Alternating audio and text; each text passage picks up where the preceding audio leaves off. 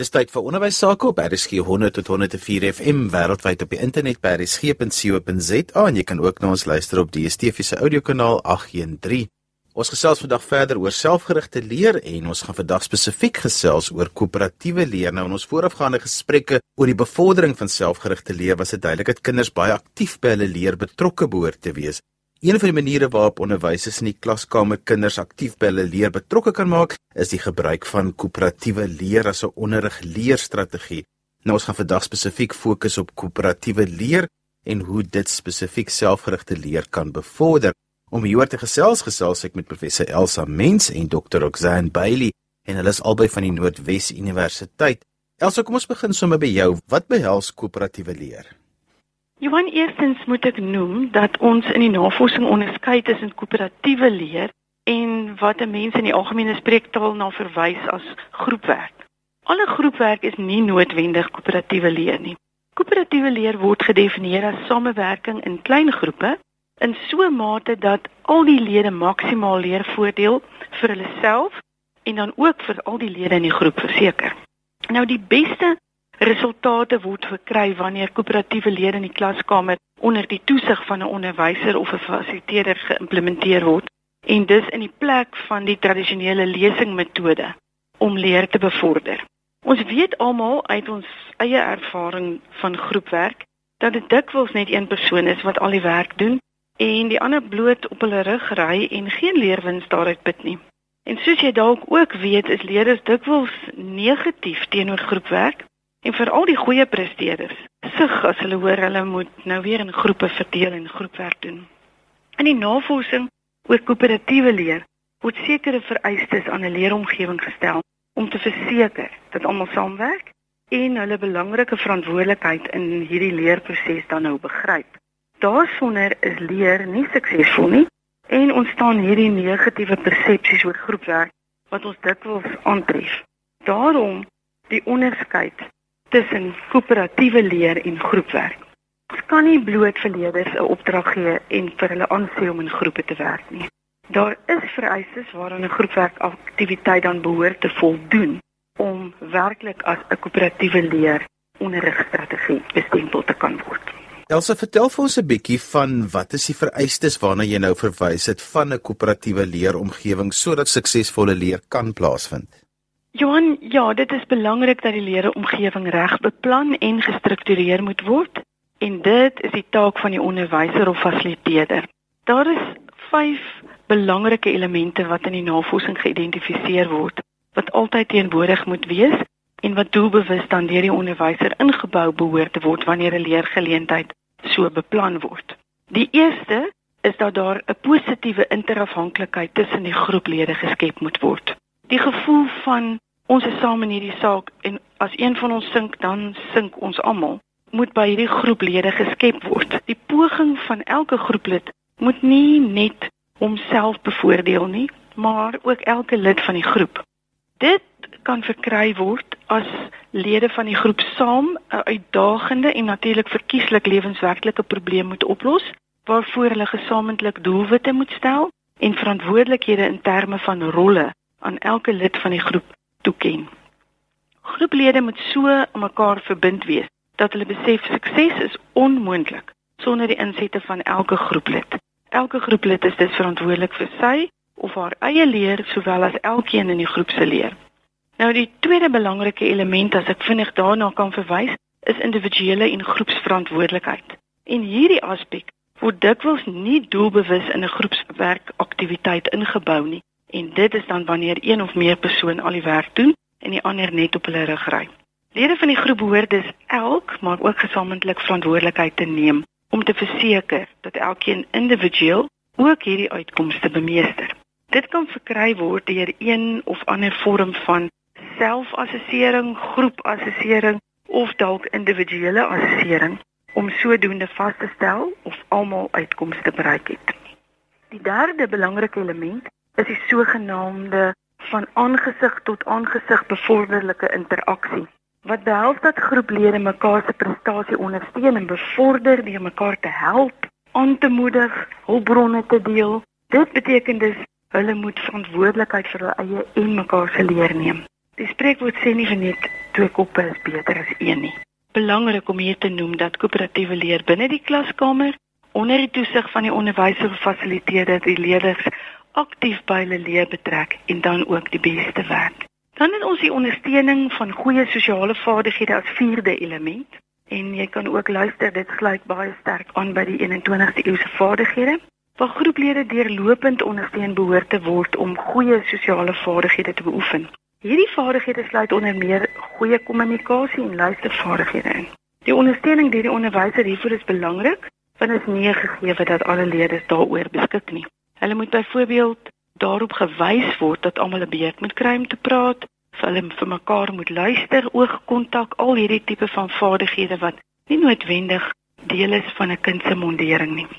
Die vyfde element en ook een van die elemente wat gereeld uitgelaat word as 'n groepwerkaktiwiteit beplan word, is groeprefleksie. Dit behels dat groeplede saam reflekteer oor die groep se prestasie en hulle werkswyse bestudeer, vas te stel wat werklik goed in die groep gewerk het en watter uitdagings hulle ervaar het. Dit is ook nodig om te reflekteer op die bereiking van uitkomste deur elke lid van die groep individueel. En dit beteken dat elke groeplid kommentaar lewer op wat die ander se bydrae was. So kan hulle byvoorbeeld noem dat die opmerking wat jy gemaak het of wat jy vir my gegee het my baie gehelp het om 'n bepaalde konsep te verstaan. En so leer die lede van die groep wat hulle moet doen en hoe hulle dit moet hanteer. Alhoewel die vyf elemente van koöperatiewe leer soos eintlik 'n mondvol klink, is dit regtig maklik om dit te integreer in 'n groepwerkopdrag sou 'n mens hierdie kennis hê. Ons kan sonder twyfel stel dat waar die vyf elemente nie almal teenwoordig is nie, groepwerk nie suksesvol was nie. Roxanne, verduidelik gou vir ons hoe behoort 'n koöperatiewe leeromgewing toegepas te word om selfgerigte leer te bevorder? Want soos reeds genoem is, moet die vyf elemente aktief geïnkorporeer word in enige taak. En daar moet 'n uitdagende lewenswerklike probleem wees wat leerders graag wil oplos. En dit stimuleer dan natuurlik ook die motivering vir leer. Wat ons ook gevind het is dat groepe klein moet wees en verkieslik nie meer as 4 nie. Anders word individuele verantwoordelikheid binne die groep net te moeilik om te beheer. Groeplede moet ook gereeld geruil word sodat leerders die geleentheid kry om met verskillende persoonlikhede saam te werk. Daar moet bepaalde rolle vir elke lid van die groep wees en die groep moet hul eie doelwitte vir die oplossing van die probleem kan stel. Die groep kan byvoorbeeld 'n leier, 'n notulehouer, 'n tydhouer en 'n terugrapporteerder hê om net 'n voorbeeld te noem. Koöperatiewe leer behels nie dat elkeen 'n deel van die probleem of opdrag self doen en dan net al die stukkies soos 'n legkaart aan mekaar skakel nie. Die hele groep moet deurlopend besig wees om saam te werk om die probleem gesamentlik op te los of die opdrag uit te voer. Leerders moet dus die geleentheid gegee word om hulpbronne met mekaar te deel en mekaar as hulpbronne te sien. Onderwysers behoort dus leerders deurlopend daarop te wys dat die verantwoordelikheid van die sukses van hul eie leer sowel as die leerprestasie van hul maats op hulle skouers rus. Hulle moet dus deurgaans monitor of almal in die groep verstaan en deelneem aan die aktiwiteit van die groep. Wat ons gevind het is dat leerders wat oor hul eie leer kan reflekteer in 'n koöperatiewe leeromgewing selfgerigte leerders is. Roxanne, maar watter waarde hou die gebruik van koöperatiewe leer dan juis vir leerders in? Hoekom moet ons dit doen? Johan, koöperatiewe leer gee leerders die geleentheid om te voldoen aan die eise van die 21ste eeu. Deur vaardighede soos kritiese denke, kreatiwiteit, kommunikasievaardighede en samewerking te ontwikkel. Nou interaksie tussen leerders is een aspek wat tradisioneel grootliks geïgnoreer is in die klaskamer. En interaksie is egter 'n krities belangrike 21ste eeuse vaardigheid wat dan nou ook deur koöperatiewe leer ondersteun word. Ons het ook vasgestel dat koöperatiewe leer 'n strategie is wat selfgerigte leer suksesvol kan ontwikkel mits daar 'n uitdagende lewenswerklike probleem is wat deur leerders ondersoek en opgelos moet word. Koöperatiewe leer gee ook aan leerders die geleentheid om dadelik terugvoer op vrae te kry in plaas daarvan om vir die onderwyser te moet wag om hul vrae te beantwoord. Nou, dit is ook so dat dikwels verstaan leerders hul maat se verduidelikings baie beter as wat hulle verstaan wanneer 'n onderwyser verduidelik. Hulle het ook meer vrymoedigheid om hul maats te vra as hulle dit nie verstaan nie. Nou koöperatiewe leer veroorsaak ook dat leerders deurlopend reflekteer op hul leer en probleme word deur die groep gesamentlik bespreek en ook deur die groep gesamentlik opgelos. Roxanne, watter waarde hou die gebruik van koöperatiewe leer aan juis vir die onderwysers ook in? Johan, alhoewel sommige onderwysers nie van groepwerk hou nie, het ons oor die jare heen met verskeie onderwysers gepraat en die antwoord is altyd dat koöperatiewe leer wanneer dit reg toegepas word, verskeie voordele vir die onderwyser self ook inhou. Een van die grootste voordele wat onderwysers al aan ons genoem het, is dat alle leerders in die klas betrokke is tydens koöperatiewe leer, selfs in die laaste periode voor die naweek aanbreek. Dit gee aan die onderwyser die geleentheid om goeie insig te verkry oor leerders se kennis en begrip en dit vervang ook die lesingmetode waar leerders slegs passief sit en nie deelneem aan hul eie leer nie. Koöperatiewe leer sluit dus mooi aan by selfgerigte leer waar leerders verantwoordelikheid vir hul eie leer moet neem. Nou onderwysers is ook geneig om te sê dat hulle nie tyd het vir koöperatiewe leer nie, maar die realiteit is dat dit minder tyd neem indien reg beplan en toegepas word. Die feit dat leerders verantwoordelikheid vir hul eie leer neem, maak ook dat hulle dikwels meer leer as wat van hulle verwag word. Laastens is dit ook telkens verwys dat onderwysers se hande losgemaak word om leerders wat werklik hulp nodig het te identifiseer en te ondersteun. Elsa, groepwerk in die algemeen was op 'n stadium almal gedink dis die oplossing vir onderwys en toe op 'n stadium het dit 'n vreeslike slegte naam gekry en mense het gedink nee wat dit het ook geen effek nie. Maar watter raad het ons vir onderwysers juis want dit is so 'n doeltreffende en effektiewe onderrigstrategie. Watter raad het ons? Johan, ja, ek dink die insluiting van die vyf elemente van koöperatiewe leer is werklik die antwoord. Ek het persoonlik dit self beleef in die vroeë jare toe ons net begin het met groepwerk en wat dit so in die skool ook afgedruk is dat ons besef het leerders leer net nie dieselfde as wat hulle leer wanneer hulle self die verantwoordelikheid van hulle leer moet neem nie. En as jy voor die klas staan en jy verduidelik vir leerders en hulle moet net luister, gebruik hulle een sintuig. Die oomblik wat jy hulle inspann om saam te werk, gebruik hulle al hulle sintuie. So die leerders behoort in hierdie koöperatiewe leeromgewing werklik elkeen 'n spesifieke rol te hê om te vertolk. Dis die rol van die onderwyser om dit so te bestuur.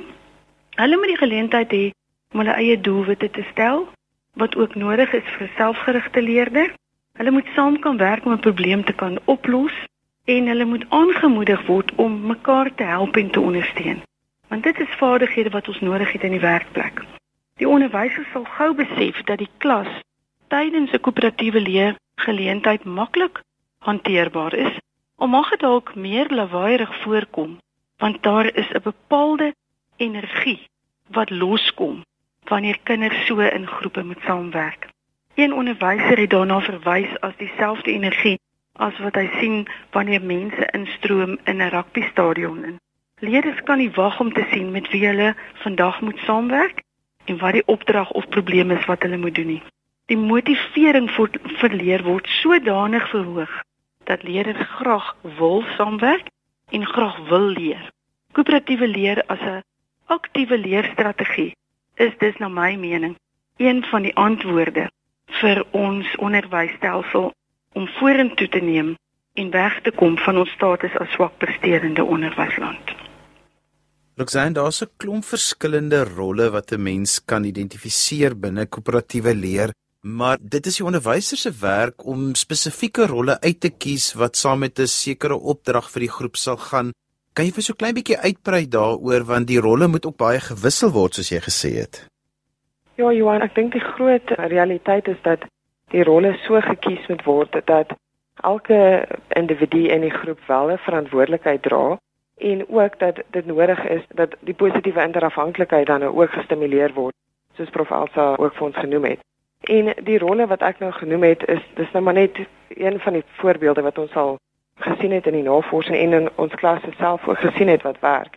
Byvoorbeeld as ek uh, in my klasse bordprogrammering doen wat ook 'n koöperatiewe leerstrategie is, sal ek byvoorbeeld 'n rol hê soos 'n drywer en 'n navigator waar een van die leerders wat dan nou die rol van die drywer het, fisies op die rekenaar werk en die navigator soos navigasiestelsel dan die drywer help om die regte foute raak te sien en ook die regte antwoorde te kry. En so stimuleer ons ook dan natuurlik die kommunikasie Wat dan nou wel gebeur is sodra die rolle geruil word en die navigator dan nou die drywer word en die drywer die navigator, dan maak mens ook seker dat die leerders wel weet ek moet die hele tyd myself bepaal by hierdie aktiwiteit aangesien ek nou weer 'n nuwe rol gaan vertolk en moet weet waar ek my raakvlak met hê met daai rol soos waar die drywer nou was ensovoorts.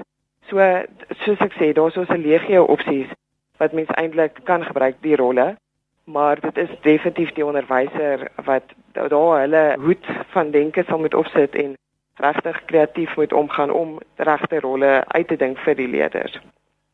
Elsa, dit is nogal baie belangrik dat onderwysers nie net die uitkoms van die groep en dit wat hulle as 'n groep presteer het of by uitgekom het as 'n serie, maar ook hoe die kinders en die leerders dan die rolle vertolk het en hoe hulle hulle rol vervul het, want ek dink daar lê 'n groot stuk terugvoer veral in die refleksie gedeelte en in assessering. Ja, Johan, jy is heeltemal reg. Die groep se assessering behels nie net dat die groep uiteindelik die inhoud moes bekom wat van hom verwag word nie. Natuurlik is dit die belangrikste komponent, maar die groep moet ook assesseer of elkeen sy rol vervul het en dis waar die refleksie inkom agterna sodat elkeen kan sien of dit wat hy moes doen hy nou behore gedoen het. Nou daar's verskeie maniere waar die onderwyser hierdie tipe van assessering kan doen. Die onderwyser kan seker maak deur dat hulle 'n rubriek moet invul na die tyd waarin hulle elkeen se rol in die groep en elkeen se verantwoordelikheid kan uitspel en selfs ook 'n assessering daaraan koppel. Ek wil nie dit baie hard sê nie want ek hou nie van punte toekenning nie, maar dit is sodat hoe meer die groep se verantwoordelikheid ook bepunt of gemeet word, hoe meer motiveer dit ook 'n leier om sy rol volledig uit te voer. Maar dan is daar ook so iets soos om die groep se uiteindelike assessering in terme van hoe goed hulle mekaar gehelp het te assesseer. Want hierdie rol van koöperatiewe leer as nie net ek gaan hier uitbaat vind nie, maar elkeen van my medegroeplede moet ook hier uitbaat vind. Behoort deur die onderwyser gemeet te word. En dikwels is dit sodat wanneer hulle oor die tipe werk wat hulle nou in die groep bespreek en geleer het, individueel getoets word, dat hierdie punte ook teruggaan na die groep toe want dis ook 'n basiese maatstaf vir die groep om te sien of hulle suksesvol was as groep om te help dat almal uiteindelik die uitkomste bemeester. En dit is basies ook beginsels wat onderwysers behoort in te bou in jou beplanning van jou groep, van jou koöperatiewe leer groepaktiwiteit. Roxanne, ek het gesien dat selfs grondslagfase onderwysers die koöperatiewe leer met groot vrug toepas van kleins af en dat dit dan reg deur die skool gaan sodat die kinders later 'n patroon is en jy hoef nie elke keer te verduidelik wat die rolle is nie, want hulle weet daar's 'n klomp rolle en hulle weet later moet mense dit van baie jonk af eintlik kan toepas in jou klasse. Johan, jy sê heeltemal reg. Ek dink dit is eintlik een van die oplossings om juis soos prof Alfa genoem het, dissipline probleme en aandag afleibaarheid te hanteer in die klasse en dit is regtig vanuit wat onderwysers self vir ons gesê het waar leerders wat werklik gewoonlik nie fokus in die klas nie al is dit jong leerders nou werklik omdat hulle gestimuleer word om doelgerig te werk in 'n sosiale lekker omgewing want dit is natuurlik ook sodat dit lekker is vir die leerders wel kan leer. So ek dink dit is definitief sodat dit net tot die voordeel is van die student of van die leerder om van so vroeg as moontlik in 'n koöperatiewe leeromgewing te werk en natuurlik ook die voordele daarvan te put. En dit is dan ook sodat dit die werk van die onderwyser wat dan nou in die die, die hoër grade kom net soveel makliker maak aangesien hierdie strategie dan nou so van vroeg af gebruik kan word. So Johan, jy is definitief reg. Ek dink dit is eintlik 'n oplossing wat in die grondslagfase veral ook baie baie voordeel inhou. Elsa kinders bly maar kinders en wat ek nou al baie keer waargeneem het wanneer ek so 'n koöperatiewe leer sessie bywoon is dat Sekere kinders is geneig om altyd dieselfde rol te kies omdat dit vir hulle natuurlik kom. In die oomblik as jy vir hulle half uitvang daarmee, dan is hulle ook nog al bietjie vieserig.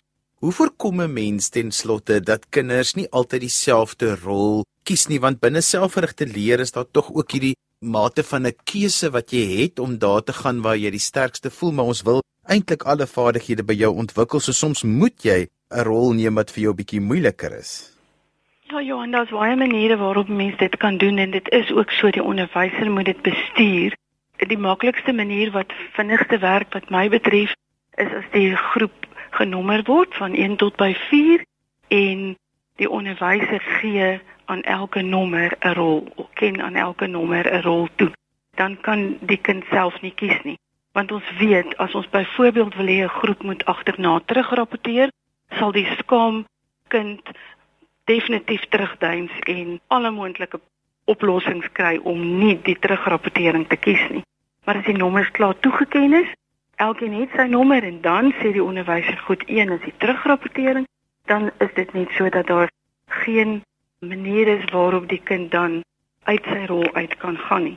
Ek dink werklik hoe meer die kinders gewoond raak aan groepwerk, kom hulle agter maar ek moet al hierdie rolle inoefen. En dit moet ook deur die onderwyser vooraf van die kinders verduidelik word. Die rede hoekom ons dit doen is nie om dit vir hulle moeilik te maak nie, maar dis omdat jy eendag in die werkplek gaan staan en dan gaan daar van jou verwag word om soms 'n leier te wees en die groep te lei, maar soms ook net te kyk of almal deelneem of soms die kritiese persoon moet wees wat elke keer die kritiese of die moeilike vrae vra en soms is dit nie deel van jou geaardheid nie maar dit is die goed wat 'n mens aanleer. So om die rolle vir die kinders te gee as hulle verstaan waarom hulle dit moet doen dan gaan hulle nie probeer om te onderhandel om elke keer selfe rol te vervul nie. En so gesels professor Elsa Mens en dokter Exane Bailey en hulle is albei van die Noordwes Universiteit. daarmee groet ek dan vir vandag tot volgende week van my Johan van Lille. Totsiens